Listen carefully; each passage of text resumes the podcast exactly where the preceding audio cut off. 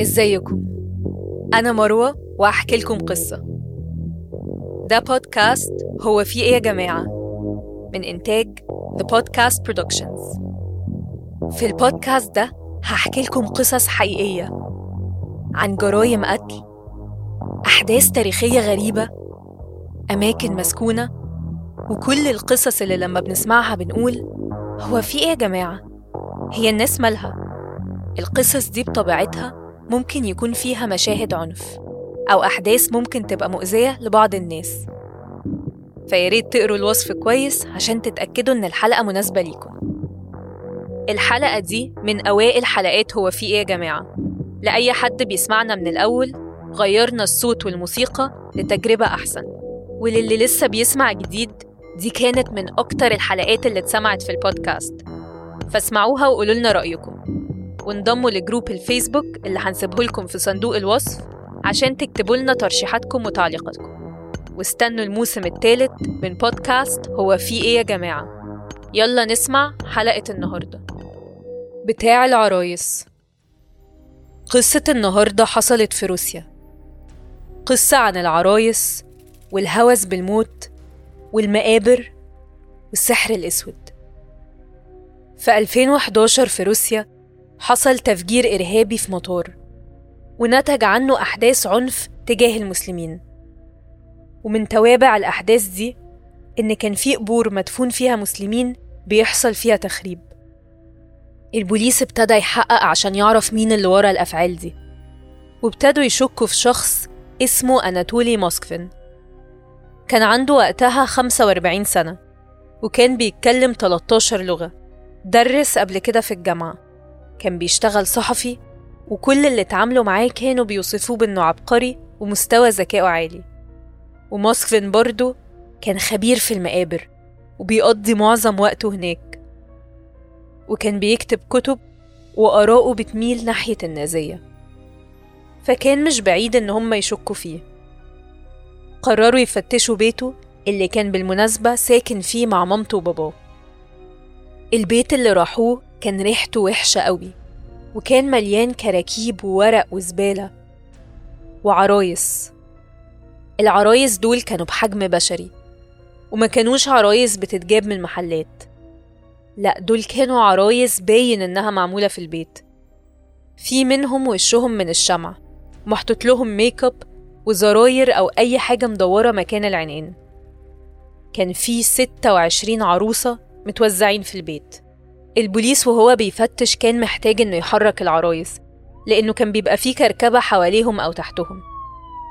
العرايس دي أما كانوا بيشيلوها من حتة لحتة كان في منهم بيطلع من جواه موسيقى وفي تانيين كان بيبقى فيه صوت زي كركبة جوه كأنهم محشيين حاجة. فالبوليس قرر إنه يفتح عروسة منهم يمكن يلاقوا جواها ورق يكون دليل إدانة. البوليس لما راح شقة موسكفين كانوا متوقعين يلاقوا دليل زي مثلا ورق فيه شعارات ضد المسلمين. لكن لما فتحوا أول عروسة لقوا آخر حاجة كانوا متوقعين يشوفوها وبقينا قدام قضية تانية خالص. خلوني أحكي لكم الأول على أناتولي موسكفين كانت حياته عاملة إزاي. أناتولي اتولد سنة 66 في مدينة اسمها نيجني نوفجورود كان طفل وحيد وكان أهله دايما بيوصفوه إنه منعزل. ومش بيتفاعل كتير مع الأطفال اللي في سنه. بس كانوا بيحسوا إن ده بسبب ذكائه الشديد وكان بيقضي معظم وقته في القراية وقدر يعلم نفسه أكتر من لغة في سن صغير. هو حكى إنه لما كان عنده حوالي تسع سنين حصل له حادثة اعتداء جنسي من راجل غريب. وموسكفين ما حكاش لأي حد القصة دي غير لما كان عنده حوالي خمسين سنة. تاني حادثة أثرت عليه وعلى شخصيته واللي ساعدت إنه يعمل اللي هنعرفه قدام كانت وهو عنده حوالي 12 أو 13 سنة. المصادر مش متفقة بالظبط إيه اللي حصل لكن كلهم متفقين في النتيجة. أناتولي كان في نشاط مدرسي فرضاه الحكومة الروسية عشان الأطفال يتعلموا إعادة التدوير. اللي حصل إنه يا إما في مجموعة من الرجالة لابسين أسود في أسود طلبوا منه يروح معاهم جنازة وهو راح أو إنه كان بيعدي على بيوت كجزء من النشاط فشاف بيت فيه جنازة والرجالة اللي جوه لاحظوه بيبص عليهم فنادوه اللي كانت في التابوت كانت طفلة في سنه تقريبا اسمها ناتاشا بتروفا ووقتها مامتها طلبت منه طلب غريب إنه يبوس البنت. بس هو رفض وكان خايف. فعرضت عليه فلوس وفاكهة لكنه رفض تاني. فالأم زقت راسه ناحية البنت. ووقتها بسها تلات مرات غصب عنه. الأم بعدها لبسته لبست بنتها خاتم وقالت له أنتم متجوزين واديت له الفاكهة والفلوس. وده كان تاني حدث صعب في طفولته.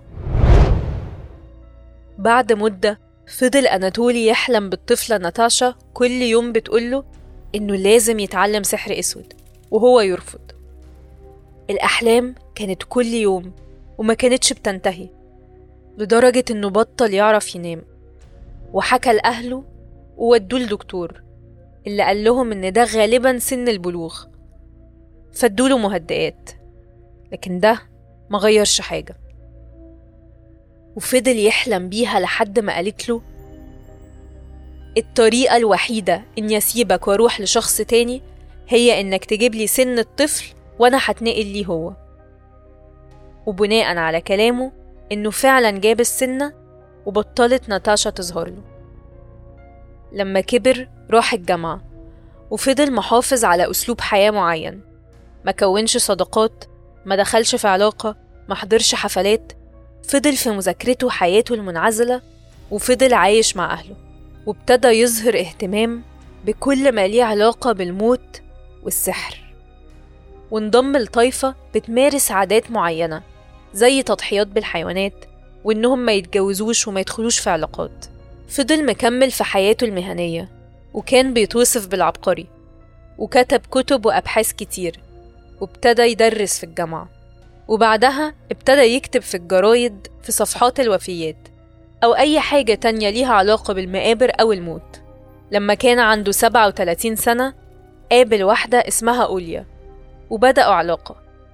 بس كانت علاقة غير جنسية نتيجة للطائفة اللي كان بينتمي ليها وهي كانت موافقة على ده. كل اللي كانت عاوزاه هو طفل. وطبعا بما إنهم مش هيخلفوا فكروا في التبني. لكن طلبهم اترفض بسبب إنهم مش متجوزين ومش عايشين مع بعض. وكمان وقتها كان أناتولي ساب شغله في الجامعة والموضوع انتهى بإنهم انفصلوا.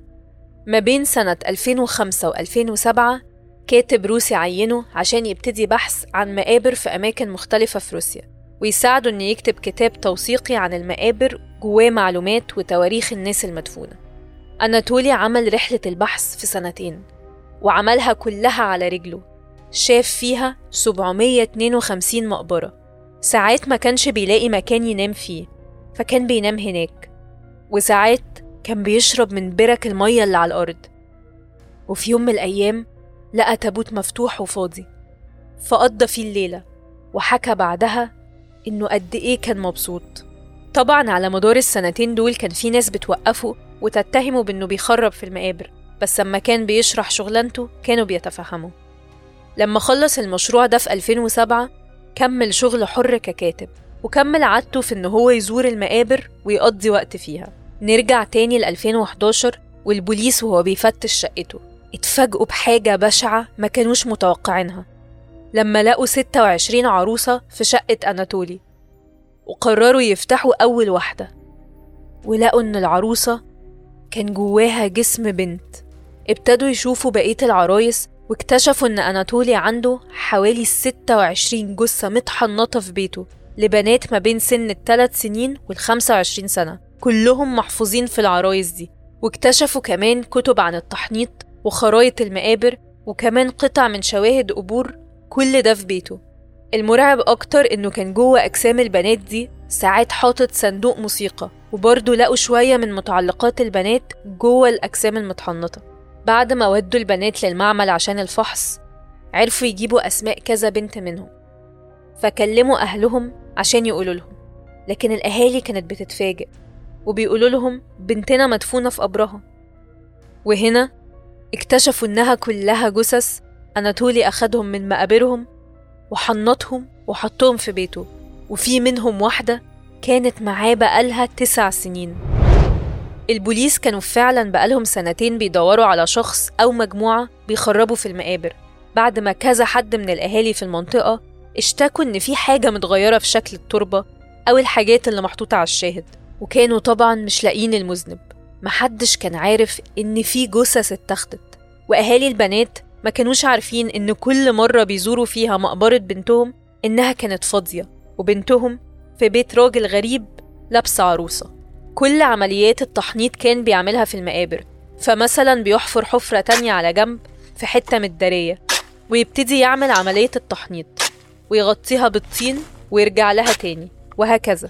وبعد مدة كان بيدور لهم على لبس في الزبالة ويلبسهم ويحط لهم make up وبعدين كان بيشوف أي حاجة مدورة يستخدمها كعينين وقال إنه كان بيعمل موضوع العينين عشان يعرف يقعدهم معاه يتفرجوا على كرتون. أناتولي ما كانش شايف إنه غلط وشايف إن هو بيعمل لهم خدمة وبيقدم لهم حياة حلوة ودافية غير لما كانت تحت الأرض. وفضل يصر إن هو كان حنين وحريص معاهم. وبالعكس أثنى على نفسه إنه عمره حتى ما شتم قصادهم. وكان بيتكلم معاهم وبيقعدهم معاه على الغدا في البيت اللي عايش فيه مع أهله. اللي بيقولوا إنهم عمرهم ما شكوا إن ده كان بيحصل. وكانوا فاكرينها هواية عادي بالرغم من إن الريحة كانت بتزيد لدرجة إنه أي جيران كانوا بيعدوا في الشارع بره كانوا بيشموها. وكانوا فاكرينها مشكلة مواسير أو مجاري. في الحجز أناتولي اعترف بكل حاجة. عشان هو ما كانش شايف قوي إن هو غلطان وقال إنه عمل كده عشان كان وحيد وكان نفسه في طفل بس طلب التبني اترفض وإنه كان صعبان عليه الأطفال دي إنهم ماتوا صغيرين وكان عاوز يبقى أبوهم. وفي أوقات تانية كان بيقول لأ أنا عملت كده عشان أعمل سحر وأحاول أرجعهم. وكانت أمنيته إنه في يوم من الأيام يتقدم العلم أو السحر. بحيث إنه يكون في طريقة إنهم يرجعوا الحياة. كان بيتكلم معاهم بلغة هم بس اللي عارفينها. كان بيغني معاهم. وفي يوم عيد ميلاد أي واحدة بيعمل لها حفلة. كان اللي بيفضلهم بيقعدوا معاه. واللي مش بيحبهم قوي بيحطهم بعيد عنه في الجراج وأناتولي قال إنه قبل ما ياخد أي من جثث البنات دي هو خد إذنهم. وهم كانوا عاوزينه. وبيترجوه ينقذهم. كان بياخد الإذن عن طريق إنه بينام فوق مقابرهم ويكلمهم في الحلم قبل ما ياخدهم. وفضل على كلامه إنه اللي بيعمله ده غير قانوني لكن هيفيد العلم قدام. في 2013 اتهم ب 44 تهمة لنبش المقابر بس بيتقال إنه نبش جثث أكتر من كده بكتير وممكن توصل ل 150 وكان مستني حكم عليه بخمس سنين. أناتولي وقتها اتشخص بسكيزوفرينيا وده يخلينا نبص تاني على كذا حاجة من اللي حكاهم زي أحلامه بناتاشا بتروفا ونتسائل لو الحاجات دي كانت حصلت أو لأ. في المحكمة اتسأل لو عايز يقول حاجة وبص ناحية الأهالي وقال لهم أنتوا اتخليتوا عن بناتكم في البرد وأنا خدتهم البيت ودفتهم. فريق الدفاع بتاعه قرروا الادعاء بالجنون. وفي النهاية اتحكم عليه إنه يروح مصحة نفسية لمدة غير محددة وإنه يكون دايما بيتعاد تقييمه. لحد لو يوم شافه إنه اتحسن يطلق سراحه أناتولي عنده دلوقتي 57 سنة وبيحاول إنه يخرج. وفي 2019 كانت المصحة هتطلق سراحه وبعدين جابوا حد من بره يقيمه ونفى إنه مستعد يخرج أو إنه اتغير. أناتولي لسه هناك ولسه عنده أمل يخرج. ومن ساعتها ما اعتذرش لأي من أهالي الضحايا. دي كانت قصة النهاردة. لو عجبتكم أو حسيت إنكم عايزين تقولوا هو في إيه يا جماعة؟ يبقى ما تنسوش تعملوا like و subscribe و share. ولو عندكم قصص عاوزين ترشحوها ابعتولنا على صفحة The Podcast Productions واستنوا القصة الجاية.